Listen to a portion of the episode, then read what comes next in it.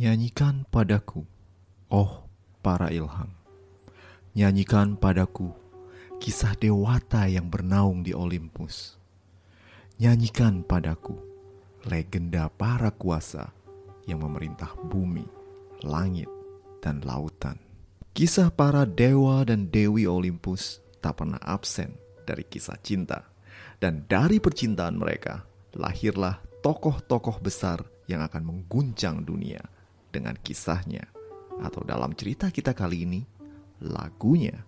Pahlawan slash musisi yang jadi pusat cerita kita kali ini adalah Orpheus.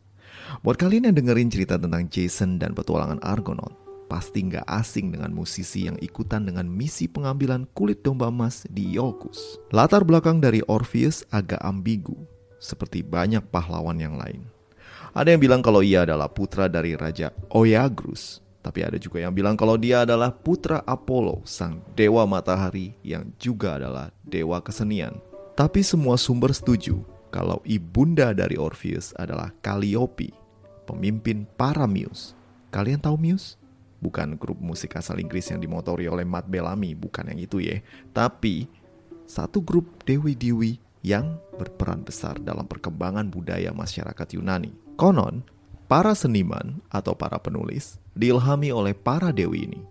Ada sembilan muses, yaitu Calliope yang mengilhami puisi kepahlawanan, Clio yang mengilhami sejarah, Euterpe, seruling dan musik, Thalia yang menjadi latar belakang ilham dari komedi dan puisi tentang alam, Melpomene yang mengilhami tragedi, Terpsichore yang mengilhami tarian, Erato yang mengilhami puisi dan juga lirik cinta, Polifimia yang mengilhami tentang himne dan juga puisi religi.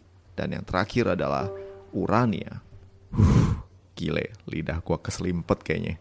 Para muses inilah yang berada di latar belakang karya drama, sejarah, lagu, puisi, dan berbagai hasil seni yang lain.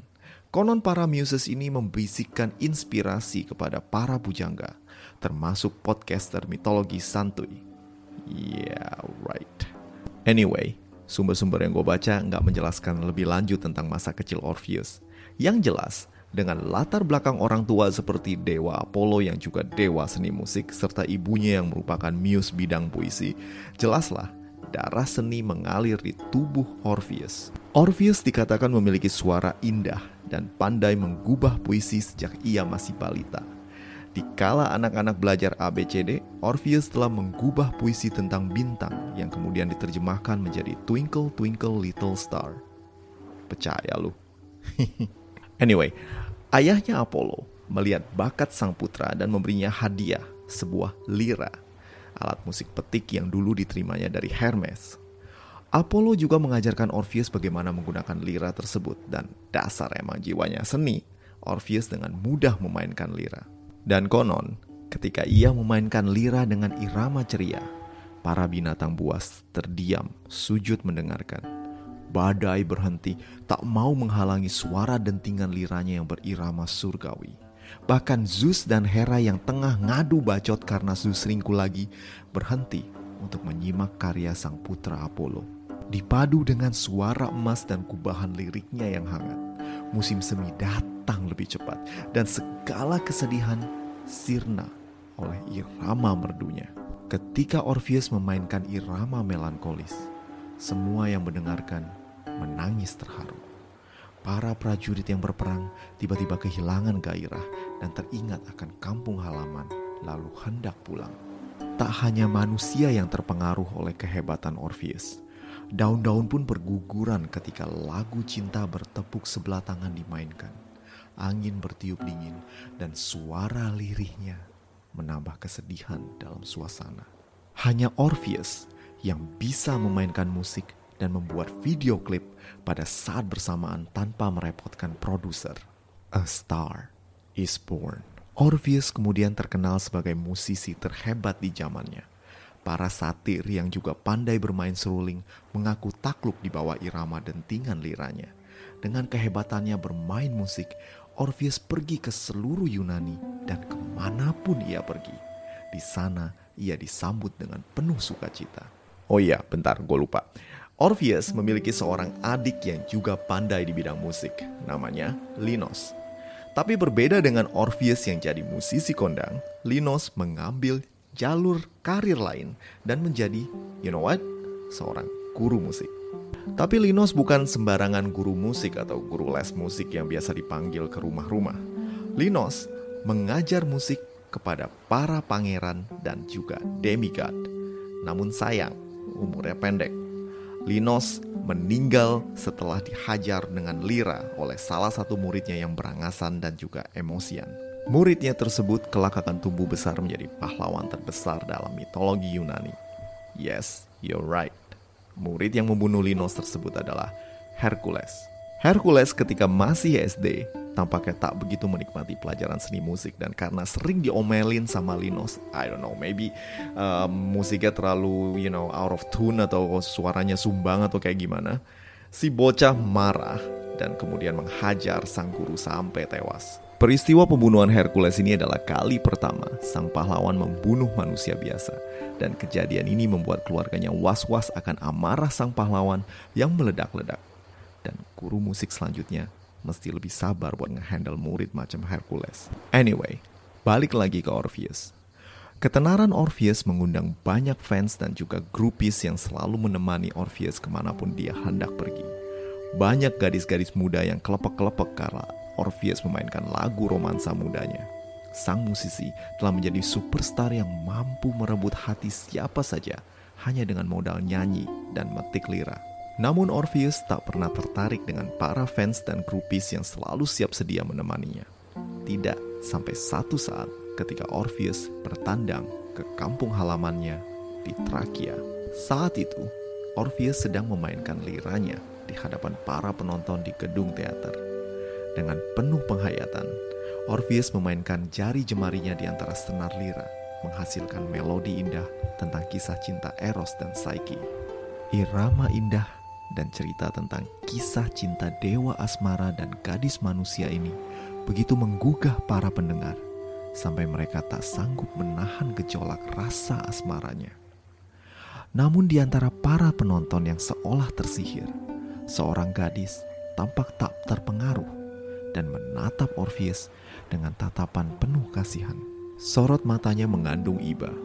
Sang gadis melihat ke dalam sanubari Orpheus yang walaupun terkenal dan selalu dikelilingi penggemar, memiliki ruang sepi yang belum bisa diisi oleh seorang pun. Orpheus menyadari tatapan sang gadis, dan pertama kali dalam hidupnya, sang musisi tenar merasa ditelanjangi oleh tatapannya. Jiwanya serasa ditelusuri dan ruang hampa dalam dirinya terkuak, dipahami oleh sorot mata gadis yang belum dikenalnya ini. Setelah menyelesaikan pertunjukannya, Orpheus menghampiri sang gadis yang ternyata adalah Eurydice. Gadis yang asal-usulnya tak jelas dan sumber yang berbeda menggambarkan sang darah cantik dengan identitas yang berbeda. Virgil, pujangga Romawi, bilang kalau Eurydice adalah perihutan Sedangkan sumber-sumber Yunani yang lain menggambarkan Eurydice sebagai seorang gadis desa biasa. Walaupun penggambaran mereka berbeda, satu hal yang mereka sepakat tentang Eurydice. Gadis ini cantik dan menarik.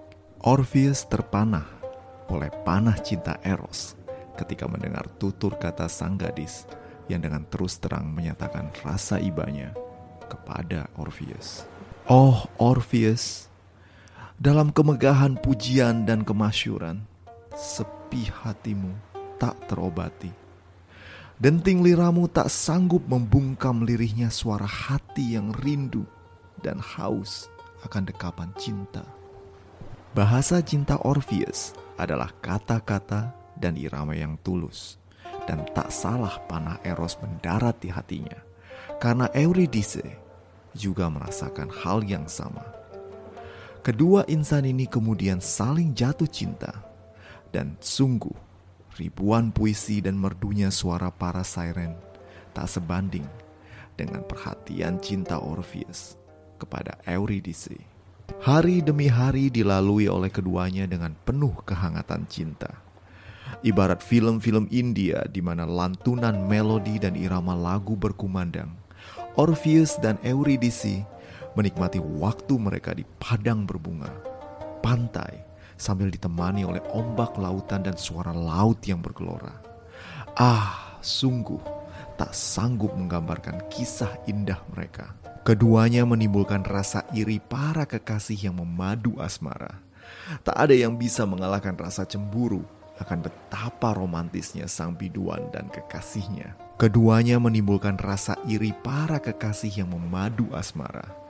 Tak ada yang bisa mengalahkan rasa cemburu akan betapa romantisnya sang biduan dan kekasihnya. Namun kisah cinta mereka harus dihentikan sementara. Karena terdengar kabar dari kejauhan, seorang pangeran yang hendak pergi ke negeri jauh di sebelah timur membutuhkan seorang musisi handal dalam misinya. Sang pangeran meminta secara khusus untuk Orpheus turut serta dalam misi yang berbahaya ini. Sang pangeran adalah Jason dari Yolkus yang hendak pergi ke Kolkis untuk mengambil kembali kulit domba emas untuk ditukar dengan tahta Yolkus. Orpheus bimbang. Sebagai seorang penyair slash musisi slash penyanyi, dirinya sangat tergoda untuk ikut dalam petualangan ini. Dirinya ingin mengabadikan kisah petualangan ini dalam lagu atau puisi epik penuh dengan kisah kepahlawanan di mana dirinya juga memegang peran. Tapi jauh dalam relung hatinya, Orpheus enggan pergi meninggalkan Eurydice. Masa iya pergi ketika sayang-sayangnya? Pria macam apa aku ini? Kata Orpheus. Namun karena Eurydice adalah wanita yang cintanya sempurna tanpa noda, dirinya meyakinkan Orpheus untuk pergi dalam misi berbahaya ini. Yakinlah Orpheus, cintaku tak akan luntur padamu satu tahun, dua tahun, bahkan puluhan tahun akan kutunggu dirimu asal kau nggak keberatan aja nih kayak nenek-nenek keriput pas lu balik. Dengan restu Eurydice, Orpheus pun kemudian berangkat menuju Iolcus dan bergabung dengan petualangan Jason dan para Argonaut. Nah, buat kalian yang belum dengerin cerita petualangan Jason dan penasaran dengan peran Orpheus, silahkan mampir dan dengerin episode-episode dari petualangan Jason. Ah, udah promosinya. Lanjut ya. Nah, bagaimana dengan Eurydice? Well, Eurydice tinggal di Trakia dan hidup sendiri seperti sebelum Orpheus hadir dalam hidupnya. Sang Dara menghabiskan hari-harinya dengan penuh pengharapan akan pulangnya Orpheus dari misinya. Tanpa kepastian, Eurydice memegang harap. Dan walau kabar angin yang bertiup mengatakan bahwa Jason dan para Argonaut telah berpaling dari tujuannya dan tinggal di Lemnos, Eurydice tak bergeming. Eurydice percaya bahwa hati Orpheus tetap untuknya, dan jika maut belum menjemputnya, suatu hari nanti sang penyair akan kembali dan mengetuk pintu rumahnya. Dan bagai harapannya terkabul, suara ketukan pun terdengar dari pintu rumahnya. Dengan hati penuh kegirangan, Eurydice membuka pintu tersebut. Dan di luar dugaan, yang berada di hadapannya bukanlah Orpheus, melainkan Aristeus, seorang gembala yang tak henti-hentinya melakukan PDKT kepadanya. Sang gembala membawakan sate kambing dan juga es buah untuk Eurydice sebagai bukti perhatiannya terhadap sang gadis. Namun Eurydice menolaknya dengan halus. Ini bukan kali pertama Aristeus memberikan hadiah untuk Eurydice. Entah sudah berapa banyak kali sang gembala menghabiskan gajinya untuk mencoba melunakkan hati Eurydice, tapi ditolak mentah-mentah. Untuk orang yang berkali-kali ditolak, mestinya ya nyadar ya cuy. Tapi Aristeus tak kenal menyerah. I can do this all day, katanya. Buat apa lu nungguin Orpheus yang gak pulang-pulang? Udahlah, lupain aja dia Mungkin sekarang dia udah nikah sama cewek-cewek di timur atau mati dimakan monster.